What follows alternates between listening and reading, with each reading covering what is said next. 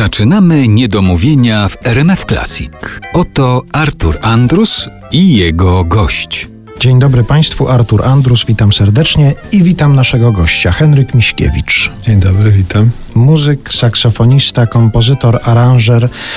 Przeczytałem dzisiaj na takim profilu społecznościowym jednego ze znanych muzyków młodego pokolenia. On napisał coś takiego: Nic w muzyce nie jest w stanie mnie zaskoczyć. Czy ciebie coś zaskakuje w muzyce teraz, współcześnie? No, myślę, że jednak tak. Tak, no może ten kolega już wszystko posiadł i już mnie nic nie zaskakuje. No. Tak też może być. No, ale myślę, że, że podrośnie to jeszcze go coś zaskoczy. Czego mu życzymy. A propos zaskoczeń, albo zaskoczeń, albo wiedzy. Czy ludzie wiedzą raczej, że ty to jesteś ten pan od 07 zgłoś się? To znaczy nie chodzi mi o to, że byłeś porucznikiem Borewiczem, tylko że ta słynna partia saksofonu w tej słynnej melodii 07 zgłoś się to jest Henryk Miśkiewicz. No na pewno część ludzi wie. Ci, którzy się interesują y, muzyką, zwłaszcza jazzową i, i jazzmenami, to wiedzą. Czasami wykonuję to na koncertach, na bis i opowiadam ludziom, że, że właśnie miałem przyjemność zagrać to, no to widzę, że ludzie są zaskoczeni. Mhm. Znają to oczywiście, znają to brzmienie, yy, znają to wykonanie, ale nie wszyscy wiedzą, że to ja.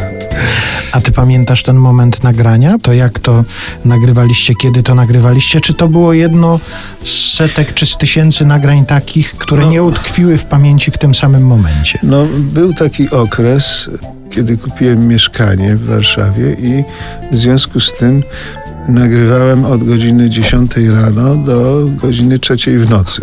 Non-stop siedziałem w studio, żeby po prostu, no wiadomo, z celów też finansowych w wielu przypadkach. Także tych nagrań była masa. Ludzie często mi też mówią, przynoszą mi płyty tam autograf jakiś zrobił. Ja nie przypominam sobie tych nagrań. No to akurat pamiętam. To pamiętam, ponieważ zaskoczył mnie Włodek Korcz, kompozytor, że zaczął frazę od od nony, co się, co się nie zdarza. To jest taki dosyć wysoki skok.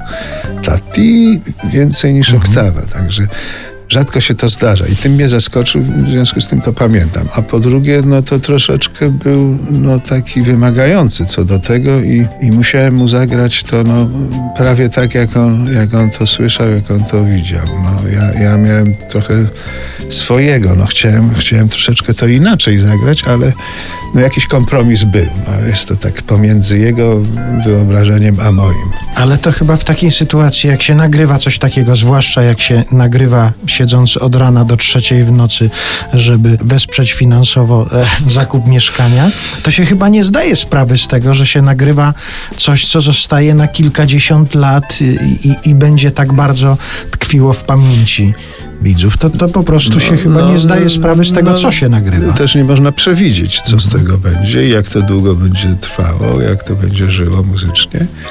Na tym polega rola muzyka. No, wtedy ja byłem młody, miałem 22 lata. Uczyłem się dopiero w zasadzie no, zawodu muzyka studyjnego i po prostu każda muzyka to była dla mnie czymś nowym. Czy to była piosenka, czy to jakiś, jakiś aranż, nie wiem, walczyk, coś. No, no obojętnie, obojętnie co było, to jednak to było dla mnie jakaś nowość. No, profesjonalnie wykonać coś, co znam oczywiście z lat młodych, ale tutaj trzeba to zagrać profesjonalnie. No, więc to były wyzwania jednak.